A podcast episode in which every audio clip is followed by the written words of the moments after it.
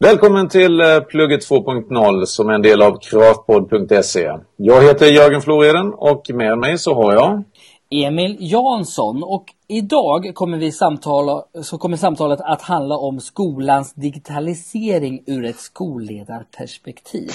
Och vi är väldigt glada att ha två skolledare med oss som verkligen utmärker sig för att driva frågan om IKT i skolan. Eh, vår första gäst eh, har till och med fått en utmärkelse, Årets digitala rektor. Välkommen Maria Abrahamsson. Tack så mycket. Och vår andra gäst som vi har med oss eh, har genom sitt transparenta sätt i sociala medier för Emil och mig blivit sinnebilden vad det gäller digital utveckling på skolan. Välkommen Edvard Jensinger. Tack så jättemycket. Eh, en sak som vi har förstått när vi har följt er i olika sammanhang det är ju att ni anser att digitaliseringen av skolan är väldigt viktig och då är vår första fråga till er här. Varför är den här digitaliseringen av skolan så viktig? Vad säger du Maria? Ja, i, i grund och botten så har vi ju det uppdraget. Det står väldigt tydligt i våra styrdokument och det tycker jag bara det är skäl nog. Eh, vi ska kunna hjälpa eleverna att orientera sig i en komplex verklighet och, och hantera de informationsflöden och förändringstakten som uppstår. Eh, och vi ska också ansvara för att de har lärt sig en massa saker när de har gått ur nian. Våra elever. De ska kunna använda modern teknik eh, i sitt kunskapssökande och för kommunikation och skapa och lära. Så det, är bara det tycker jag är ett, ett skäl nog. Eh, sen finns det mängder andra anledningar också. Tänker jag. Eh, som att vi vill ha välutbildade medborgare och det är förmodligen ganska ekonomiskt fördelaktigt att, att de har de kunskaper och kompetenser som efterfrågas i samhället. Eh, sen kan man prata mycket om vad det kan göra för undervisningen, om det kan eh, effektivisera någonting och om det kan eh, göra saker och ting bättre eller mer motiverande. Det, där finns ju väldigt mycket att prata om där tänker jag. Men i grund och botten så har vi det uppdraget. Eh, och det, det är liksom någonstans det vi bottnar i tycker jag i skolan. Mm. Hur ser du på detta Edvard med vikten av digitalisering i skolan? Jag, jag håller ju naturligtvis med. Eh, sen eh, ja, ett, något perspektiv till det som säkerligen eh, Eh, allmängods kanske. Men, men jag tycker ju att eh, skolan måste vara relevant för våra elever. Eh, och, och, för att få skolan relevant så, så måste vi leva i vår samtid. Så det blir inte riktigt eh, relevant för eleverna om vi bara ska jobba med, med den traditionella skolan som vi är vana vid. Utan vi behöver på något sätt få våra, våra elever att känna att det här är nu och på riktigt för eleverna. Därför tycker jag att eh, den här relevansen, ibland pratar man om lustfyllt, det blir så feltolkat ibland att, mm. man tror att skolan ska vara roligt. Men eh, det handlar ju egentligen om att eleverna ska känna att eh, det är värt att, att gå i skolan, att man lär sig vettiga saker. Och att då koppla upp ITs möjligheter tillsammans med, med djupa fördjupade ämneskunskaper, det tror jag är vägen framåt. Vilken förståelse måste man ha som skolledare för att kunna leda digitaliseringen av en skola? Om vi börjar med dig Edvard. Alltså jag är helt övertygad om att man måste förstå relativt mycket. Inte, inte på djupet nödvändigtvis men, men man har en bred allmän förståelse över IT-utveckling i allmänhet men, men kanske specifikt då de möjligheter som finns i skolan. Eh, det är inte särskilt svårt att få en sån eh, kompetens. Det får man egentligen om man hänger med sina egna lärare till exempel. Eh, så att jag, jag, jag tror att det är svårt att leda någonting som man inte förstår. Därför som jag ofta propagerar för att rektor faktiskt är A och O i det här sammanhanget. Utan rektorsledarskap så, så händer ingenting. Eh, visar ju många undersökningar och eh, jag tror att det är ganska lätt för en rektor att åtgärda det. Men man måste engagera sig då. Mm. Alltså skolledarens viktiga roll kommer ju fram i alla sammanhang när det gäller eh, skolutveckling i, i alla dess former. Eh, men vilka krav ställs på en rektor idag Maria? Jag tycker att man, eh, man måste vara, alltså bevaka sin omvärld. Man måste se lite grann vad som händer runt om sig. Både, både i närmaste men också runt om i världen. Så att, att vara eh, öppen, vaken, blicka över horisonten, att eh, ha tentaklerna ute tycker jag är en viktig förmåga. Eh, men också att se vad, vad det är för mönster av kommunikation och interaktion som våra unga har. Eh, och det behöver vi också följa för att förstå hur vi ska möta dem. Det handlar lite grann om att förstå var de befinner sig för att hjälpa dem och möta dem och där de befinner sig. Mm. Vem är det egentligen som ställer kraven på en eh, skolledare eh, idag vad det gäller att driva den digitala utvecklingen? Ser du Edvard? Ja, alltså i mitt fall så har väl kraven framförallt kommit från skickliga och drivande pedagoger och för all del också från eleverna. Eh, jag har tyvärr aldrig riktigt känt att kraven har kommit från, eh, Eh, från förvaltning eller från eh, politiken. Eh, I viss mån kan jag tycka att kraven också kommer från styrdokumenten men, men grund och botten så har det varit elever och lärare som har drivit mig. Jag tror dock att det hade varit väldigt, väldigt bra om det fanns tydligare krav från till exempel förvaltning. Mm. Men du, du känner att du har ett underifrån drivande krav egentligen? Ja, jag har, jag har haft, eh, alltså man, som skolledare så, så går man omkring och tror att man eh, har lite pedagogiska idéer och sådär. Och sen helt plötsligt när någon börjar prata om grejer man inte hänger med på. Då kan man ju välja att stoppa huvudet i sanden förstås. Men de flesta tror jag väljer att eh, kolla upp vad är det där för någonting.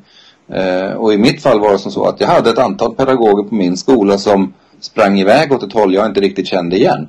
Eh, och då sprang jag efter helt enkelt. Så vilka krav ställde de på dig egentligen då? Alltså de ställde ju inte krav utan det de gjorde var att de berättade att nu, nu sker den här utvecklingen i, min, i deras pedagogik då. Mm. Eh, och eftersom jag känner att jag vill kunna vara eh, uppdaterad och kunna vara en pedagogisk ledare så ställdes väl kraven därigenom från mig själv. Eh, men, men utan att de här lärarna hade sprungit så pass eh, så hade jag nog inte uppfattat detta. Mm. Alltså, alltså du Edvard är ju, är ju rätt så tydlig med, du, du signalerar ju brinner för digitalisering av skolan och så vidare. Och du Maria har ju en bakgrund som IT-pedagog. Mm. Hur ska vi få rektorer som inte har denna bakgrund att jobba med IKT i skolutveckling? Vad säger du Maria? Ja, det, det är ju spännande det här. För det, det, var ju min ingång som rektor. Det var ju att ha jobbat som IT-pedagog i några år. Och, och, det var ju lite grann upp till bevis. Jag hade tyckt väldigt mycket och jobbat för väldigt många frågor. Och sen när jag väl blev rektor så fick jag själv ansvara för att genomföra dem. Eh, och det var ju en utmaning för mig på, på alla sätt. Eh, jag tänker att man behöver hjälp eh, man behöver stöttning i processerna. Eh, man behöver stöttning i att, alltså det är ju, det är ju ett skolutvecklingsarbete. Men det har en teknisk dimension. Eh, så min bild är att många rektorer backar lite för att man kanske man räds tekniken. Men i grund och botten så är det samma, alltså, så är det skolutveckling det är frågan om. Det spelar inte så stor roll vad, vad det är för inriktning på den.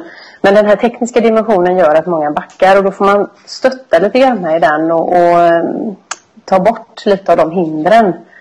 Um, när jag, när jag, alltså det var lite annorlunda för mig. När jag gick in som, som IT-pedagog så kanske jag hade den tekniska kompetensen kring det. Så det var ingen fråga för mig. Uh, men jag kan se den mer hos mina kollegor. Uh, och jag tror att man behöver stöttning både i att, att visionsarbetet, alltså hur ska man arbeta i ett övergripande plan kring det här? Hur ska, jag, hur ska jag ta hjälp av och analysera den verksamheten jag har för att ta reda på var vi befinner oss och ta oss framåt? För många är väldigt osäkra. Eh, och då handlar det många gånger om en, om en teknisk osäkerhet och då vet man inte riktigt vad det är man ska jobba med och förvänta sig och vad det är, vilken ände jag ska börja. Mm. Jag, jag brukar ofta prata om så här när man, när man pratar om skolledare och rektorer så pratar man ofta om att eh, det är väldigt lätt att prata om så här borde de göra. Alltså lite det här som man sitter på läktaren på någon idrottsevenemang. Det är väldigt lätt att säga till att vad dålig Zlatan var när han inte gjorde mål. Men att hoppa in på plan och göra mål som Zlatan gör är ju inte lika lätt. Alltså hur, hur, hur, hur tyckte du att den resan som eh, IT-pedagog till, till att kanske vara den som sa så här, så här borde de göra till att bli den som skulle genomföra. Hur, hur tyckte du den resan blev? Ja, den var jättespännande. Ofantligt spännande. Jag hade ju precis den inställningen. Hur svårt kan det vara? Alltså, vi, vi gick verkligen in som ledare i den rollen. Eh, och tänkte att det här, det här är ju bara att göra så här. Eh, och upptäckte att det var inte alls enkelt. Det, det, alltså, när man går in som ledare så tar man på sig en massa nya erfarenheter och får med sig en massa nya erfarenheter eh, som ledare. Att leda människor. Eh, och jag hade nog tyckt att jag hade tänkt mycket kring det innan men det var otroligt vad jag har lärt mig under de här åren om vad jag måste ha koll på och förstå som ledare. Och i grund och botten så spelar det inte så stor roll vilka det är man ska leda och vilka åldrar det är på dem man ska leda och vart. Alltså man måste fortfarande börja där människor befinner sig och ta dem därifrån. Eh, och det lärde jag mig och då spelar det inte så stor roll om man jobbar med barn eller med vuxna eller eh, Nej. vilka mm. områden man jobbar. Så jag fick lära mig ganska grundläggande ledare eh, och, och börja med det. Och sen har jag fått lära mig eh, längs med vägen man har gått på sina nitar. Man har gått för hårt fram ibland och man har eh, eh kanske kravat för lite ibland eh, och, och, fokuserat ibland på rätt saker, ibland på fel saker. Men samtidigt så känner jag att man har väldigt gott stöd av sina kollegor och, och andra människor runt om i landet och sina nätverk så att man hittar fram i det. Mm. Och om vi tittar på lärarna då. Du Edvard sa ju här att du hade ju lärare som eh, nästan sprang iväg där du fick ett tryck underifrån. Men eh, mot övriga pedagoger så, vilka strategier har du sett Edvard som har varit eh, speciellt framgångsrika när det gäller att digitalisera skolan? Alltså strategier som du som ledare använder dig av? Mm. Eh, jag tror ju på, eller jag, jag upplevde själv att det var väldigt effektivt att att som rektor ställa krav helt enkelt. Eh, någon brukar säga åt mig att säg inte krav, säg förvänta. Men, men mm. egentligen handlar det ju om att man ställer krav. Eh, jag, jag krävde vid medarbetarsamtal att få veta vad man hade för planer. Jag krävde vid upp, eh, uppdragsdialog som vi hade eh, hur har du tänkt att genomföra det här uppdraget kring digitalisering. Eh, jag förväntade mig att man eh, bjöd in mig på olika digitala aktiviteter och så vidare och så vidare. Eh, och det betyder ju att eh, eftersom jag höll på så här hela tiden, jag höll på att tjata och tjata och tjata och prata om det här hela, hela tiden. Så fattar ju folk att ja, men det, på något sätt så är det viktigt för honom. Eh, och så vill man ju naturligtvis göra sin, eh, sin chef eh, till lags i vissa sammanhang. Och, och, definitivt när det gäller den pedagogiska verksamheten som jag sen skulle Eh, leda. Va? Så att eh, jag tyckte att eh, jag, jag ställde krav på folk att de skulle göra saker och inte så konstigt så, så gjorde folk det också. Sen så naturligtvis stöttade jag och, och tog till att man fick fortbildning och kom med tips och, och, och feedback och sådana saker. Men, men i grund och botten, om jag vill att någon ska göra någonting så måste jag signalera tydligt att någonting ska göras. Och, och det var det jag höll på med rätt länge. Mm. Hur kan man balansera det här mot eh, stressfaktor som gärna uppkommer eh, när eh, den digitala tekniken ska in i skolan så, så läser vi i ganska många undersökningar så att det, det också blir en stressfaktor i det. Samtidigt som jag har en skolledare som är ganska kravställande. Mm. Alltså det, det går ju faktiskt att kombinera att ställa krav men att samtidigt se en individ som inte riktigt hänger med på på den belastning som eventuella krav skulle kunna bli. Eh, jag hade förmånen att kunna ge ett antal personer lite särskilda uppdrag. Eh, någon person fick lite extra tid för att eh, producera lärresurser till andra. Någon fick extra tid för att utbilda andra. Eh, ytterligare någon fick extra tid för att stötta andra i klassrummet och så vidare. Så att, så att det fanns inte eh, jag hade lite tur där att det fanns inte den konflikten. Sen så var det självklart så att att vissa upplevde ju jobbet som lärare som väldigt stressande och inte blev det bättre av att jag ville att de skulle förändra sitt sätt som de som kanske var trygga i sedan tidigare. Men vad är alternativet? Att vi ska låta eleverna eh, vara kvar där de var en gång. Det, det fanns inte. Så då, då, då sände jag signalen att alltså, prata med mig. Om det är så att det blir för mycket så får vi liksom ta tag i det. Och det var folk som kom till mig och sa att nej nu pallar jag inte. Och då, då tog vi hand om det. Men det var under de här åren tre gånger tror jag som, som det uppstod. Mm. Maria, när, när jag såg din föreläsning i Stockholm för några mm. veckor sedan så pratade mm. du om det här livslånga lärandet hos kollegor. Hur implementerar du detta sätt att tänka på din skola? Vi pratade jättemycket om det och diskuterade överhuvudtaget kring eh, att, att det är att befinna sig i ett lärande. Eh, jag landade jättemycket i de frågorna, precis som Edvard nämnde också innan här, att det finns, ju ingen, det finns ju ingen annan väg att gå än att vi ska jobba med de här frågorna. Sen får vi lösa det som uppstår runt om eh, och ta tag i det. Och det kan hända att man behöver göra det på lite olika sätt, men det finns ju ingen annan väg att gå än att vi ska jobba med de här frågorna. Och där var jag jättetydlig med att det är det här jag förväntar mig. Vi ska utvecklas här. Och, och vi pratar om det på många sätt och jag visar det själv också. Att jag var en del av det. Att jag också visade att jag är en lärande varelse och var väldigt angelägen om att visa det på olika sätt. Du var ju lite fräck där. Jag tyckte det var lite fränt för att eh, Alltså du sa ju så här att alltså, vet du inte hur du gör så googla eller gå in på Youtube och kolla och det är ju liksom en bibliotekarie skräck att någon tipsar någon och säger så. Men, ja, det, det är ju så vi löser frågor i vardagen eh, av annan karaktär. Eh, vi klarar av att eh, köpa hem en iPad eller köpa en TV hemma och installera den eller vi klarar av att fixa och laga någon maträtt vi aldrig har lagat och eleverna gör så hela tiden. Det är klart att vi fixar det också. Det finns många sätt att lära sig saker och det, man kan faktiskt ta reda på det. Jag tror inte att en bibliotekarie skulle invända. Jag tror att en bibliotekarie skulle säga tänk nu på vilken källa och var lite kritisk. Mm. Eh, I övrigt skulle de säga go for it. Det hoppas jag med. Ja. Och du Edvard har ju framhållit bibliotekariernas viktiga roll när det gäller digitaliseringen också. Ja, ja eh, det är kanske en del av min egen digitalisering. Just min eh, förmån att ha jobbat mycket med skolbibliotek. Jag, jag jag har ju varit gymnasierektor på ett teoretiskt gymnasium där så att säga, de, de teoretiska och ämneskunskaperna har varit väldigt mycket i fokus naturligt. Eh, då när man ska digitalisera så handlar det ju väldigt mycket om att man ska göra det i ett sammanhang och då blir det väldigt mycket fokus på just eh, källkritik, eh, informationskompetens. Eh, och, och, har man då ett bibliotek som kan bistå i det så, så blir det helt enkelt en multiplikator i skolans digitalisering. Eh, på min gamla skola så var det, alltså det var biblioteket som hade den typen av, av fördjupad kompetens som, som skolan behövde. Mm.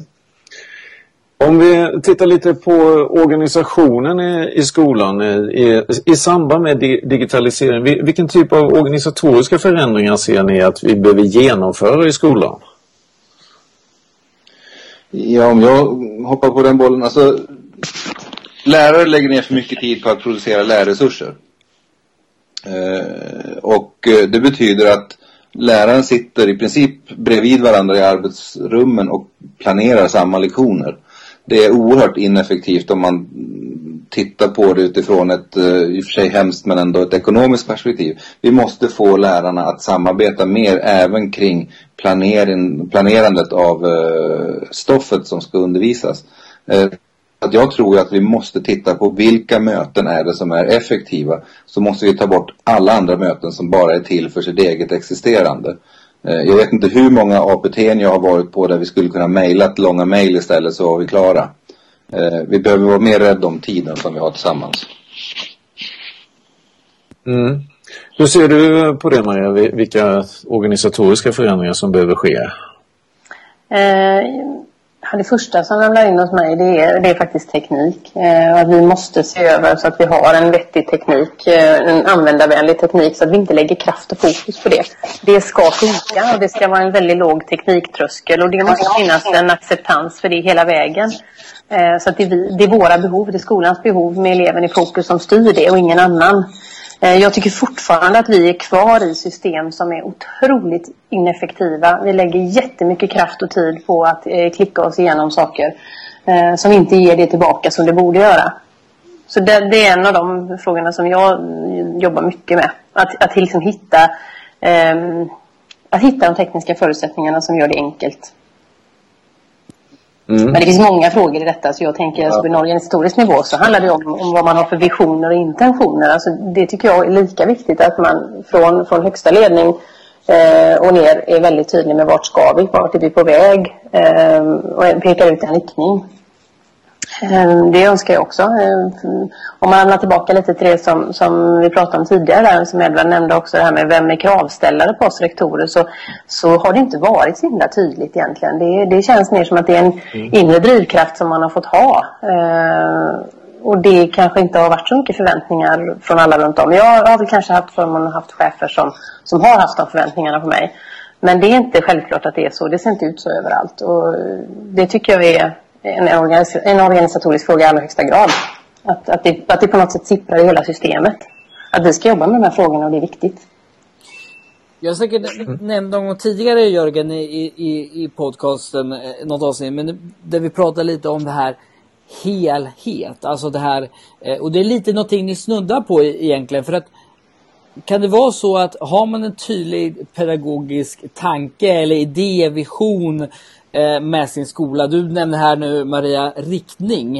Eh, kan det vara så att de digitalis... Alltså, alltså IKT-frågor, nu kanske man inte egentligen vill prata om IKT som ett begrepp, men, men kan det vara så att de, om vi ändå ska använda IKT, eh, kommer väldigt självklart då eftersom man har den här eh, riktningen att köra på. Man har den här tydliga idén och tydliga eh, visionen på skolan. Förstår ni hur jag tänker? Ja. Ja, jag tänker det. Att, att, det, att det hänger ihop. Därför att eh, tekniken och IT är ju en, ska ju vara en, integre, en integrerad del i lärandet. Det är ju ett designmaterial. Eh, och det ska finnas där, det ska finnas med oss hela tiden. Och har vi då klart för oss vad det är vi vill åstadkomma i lärmiljöer eller i, i hur vi vill att eleverna ska lära saker så ska det finnas med naturligt. Och då tänker jag att då måste vi börja med vad vill vi åstadkomma? Vad är det för typ av lärmiljö vi vill att våra elever ska ha? Vad vill vi att våra elever ska lära sig? Och då är IT en naturlig del som ligger som ett raster med, tänker jag. Samtidigt så, så har det ju visat sig att det där är Alltså det gäller på systemnivå, inte på enskild skola. Alltså enskild skola behöver naturligtvis ha sina egna visioner och vilken riktning man ska ha. Men sen mm. så försvinner en rektor och två nyckelspelare i, i kollegiet. Sen så är man tillbaka på ruta ett. Det måste vara på systemnivå. Upp, alltså det måste vara en politiskt förankrad vision kring skolan och förvaltning som stödjer den här eh, idén om var skolan är på väg. Eh, vi kan inte, eller, det, det, det, är som så att vi har inte råd att tappa skolor i deras momentum när nyckelspelarna flyttar på sig. För nyckelspelare flyttar på sig i och med att de blir så väldigt attraktiva på, på, på arbetsmarknaden. Så mm. då, måste, då måste man bottna någon annanstans. Det kan inte vara som så att om Maria får ett nytt jobb någonstans så kraschar hennes skola. Men i alldeles för ofta så förekommer det när, när ett antal nyckelspelare försvinner så finns det mm. ingenting kvar. Då, då var den här riktningen ett antal personers privata individuella driv. Så att den här riktningen måste upp, högre upp i organisationen. Den måste bottna i en förvaltning och i en politik. Mm. Absolut. Mm. Och det är då som vi, vi, kan se digitaliseringen som förstärkande utav resultaten också. Det, det är väl rätt så tydligt i Unos Unos äh, rapport här att digitaliseringen i sig löser ju inte problemen men det, det, kan bli en utväxling för bra skolor och samtidigt som det kan bli en nedväxling då, eller hur vi ska uttrycka det, för de skolorna som inte har lyckats så väl. Mm. Tidigare. Eh, som en slutfråga så skulle jag vilja att eh, ni tittar lite framåt. Eh, jag hörde i något sammanhang, jag vet inte om det var Larry Page, eh, Google där, som uttryckte det att det gäller att kunna se in i framtiden för att vi ska kunna fatta de bra besluten här och nu.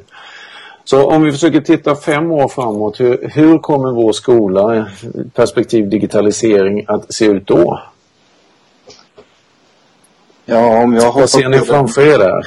Alltså, jag är rätt så säker på att vi kommer att behöva omorganisera hur vi, hur vi arbetar med, med resurserna i skolan. Eh, då talar vi både om ekonomi men också personella resurser. Jag, jag är rätt säker på att eh, den här frustrationen som vi upplever idag när det finns eh, diverse IT-enheter och annat som, som vi i skolan upplever vara i vägen och de naturligtvis rättmätigt kanske upplever att vi är besvärliga. Eh, det kommer vara en historia i och med att eh, skolorna kommer att behöva ta över ansvaret för sin, sin IT-miljö i långt mycket högre utsträckning än vad det har varit. Och, och, och det kommer naturligt med molntjänster, med med sömlösa system där vi inte behöver ha massa teknik i bakgrunden utan grejerna bara funkar. Så jag ser en organisation, alltså organisationen på, på lärarresurser kommer att uh, behöva förändras om vi inte får en rejäl tillförsel av medel. Eh, det vill säga att vi kan få fler lärare. Då. För att som det ser ut idag så går lärarna på hörntänderna. Det funkar inte. Eh, och sen tror jag att våra organisationer kommer att bli effektivare på så sätt att vi styr vårt eget öde och inte i knät på någon annan avdelning. Eh, och, och, och det här är jag förhållandevis säker på att det kommer ske väldigt snart. Det rör på sig. Vad ser du framför dig Maria om du blickar fem år framåt? Ja, eh, jag är lite inne på det som Edvard nämner också här. Därför att eh, det är mycket det vi jobbar med just nu. Att, att få lov att äga våra frågor själva. Vi behöver, det mycket, vi behöver vara autonoma i mycket större utsträckning där. Med det kommer ju naturligtvis också en rädsla för att har man kunskapen och då säger jag man generellt för det är kanske det jag möter ibland att man är rädd för att eh, kan jag fatta rätt beslut här i de här frågorna. Nu vill jag ju driva de frågorna för att jag är den jag är eh, och har de kunskaperna jag har. Då vill jag faktiskt äga de frågorna. Eh, för jag ser att det är många lärare som sliter med det här och tycker inte, jag tycker inte att det är effektivt och det blir inte bra. Så jag, jag, tänker, min ambition är att hämta hem mycket, mycket mer av besluten till mig eh, och till mina pedagoger och vi ska få en effektivare organisation där vi delar tillsammans. Jag tänker nog mer lokalt. Alltså mycket mer att, att vi jobbar lokalt med att utveckla eh, och hjälp, ta hjälp av varandra men också titta ut. Och då, när vi då tittar ut och tar hjälp av varandra runt om så är det inte bara runt om i kommunen utan, utan runt om i Sverige och runt om i världen. Vi har ett vidgat kollegium men vi jobbar också väldigt mycket lokalt eh, med att dela med oss. Eh, lite grann också för att bygga trygghet runt om som är lite osäkra. Så att man ska både jobba ganska mycket på skolan med att hitta de lösningarna som går att göra där tillsammans, där vi kan ta hjälp av varandra. Men vi ska också hjälpa lärare att ta klivet utanför och att ta hjälp av det vidgade kollegiet. Men då behöver vi också äga frågorna. För vi, vi, i dagsläget så ligger det ganska mycket frågor kring stress och arbetsmiljö hos lärarna utifrån att man inte äger de frågorna och vi sitter fast i en del system som vi kanske inte är helt nöjda med. Så att jag tänker att det är en viktig fråga här och nu som står framför oss. Vi behöver en bredd i verktygslåda där man som pedagog har tillgång till en mängd olika verktyg. Eh, de ska vara plattformsoberoende och vi ska kunna använda dem när som helst, var som helst. Eh, och, då tror jag, och de ska vara enkla och användarvänliga. Och då tror jag att vi kommer få en utväxling på det här. Då kommer många, många fler att se möjligheterna med det. Jag, jag tror ju bara för att, för, för att fylla på det Maria säger här nu. Eh, det, det, är ju helt korrekt. Jag tror att då, då kommer den här med beställarkompetensen in. Att rektor faktiskt bottnar i den här eh, djungeln av olika kompetenser och eh, nödvändiga förståelser. Och, och jag, kommer beställarkompetensen in, ja då helt plötsligt så bottnar organisationen i vad man tar för beslut. Och då, då blir det en arbetsro i även den digitala skolan. Mm. Ja. Du pratar här Maria om eh, utvidgade kollegiet för lärare. Eh, vi ser ju, där, där har det blivit jättestor våg eh, kring liksom det. Eh, det exploderar på Twitter, Facebook och så vidare. När kommer vi se det för rektorer? Nu ser man några små vågar. Men när kommer det bli den här stora vågen? Och hur kommer den se ut? Den är nästa våg och den är på väg in, säger jag då. ja, den, börjar, den börjar komma nu, man börjar skönja den. Det är ju lite läskigt för att eh, när man är ute i, på Twitter och andra sociala medier så, så och har sin rektor eller ledarroll så, så får man ju naturligtvis helt rimligt stå för det man säger. Eh, men det är väldigt svårt att eh, vara krisp och konkret på, på sånt litet utrymme så att det kan lätt misstolkas och därför så finns det en stor rädsla Eh, att man eh, gör sig själv en otjänst när man går ut på de här eh, sociala medierna samtidigt som man faktiskt får ett oändligt mycket mer livfullt yrkesliv genom att göra det. Så att det finns en rädsla. Många börjar tassa sakta men säkert. Det, det börjar i många organisationer bli en förväntan att man ska vara digitalt aktiv även på sociala medier. Men eh, rädslan är också ganska så grundmurad i många sammanhang. Innan vi avslutar dagens avsnitt så vill vi skicka ut en fråga till er lyssnare som har lyssnat på det här avsnittet.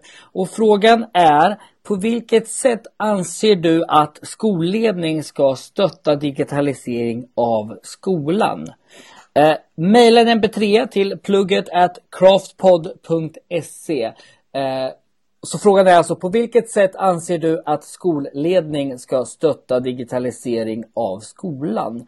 Vi tackar så jättemycket för detta samtal, Maria och Edvard. Mm, tack Tack så mycket. så jättemycket Maria. Tack. Ja, Tack så tack. mycket. Tack så mycket Edvard.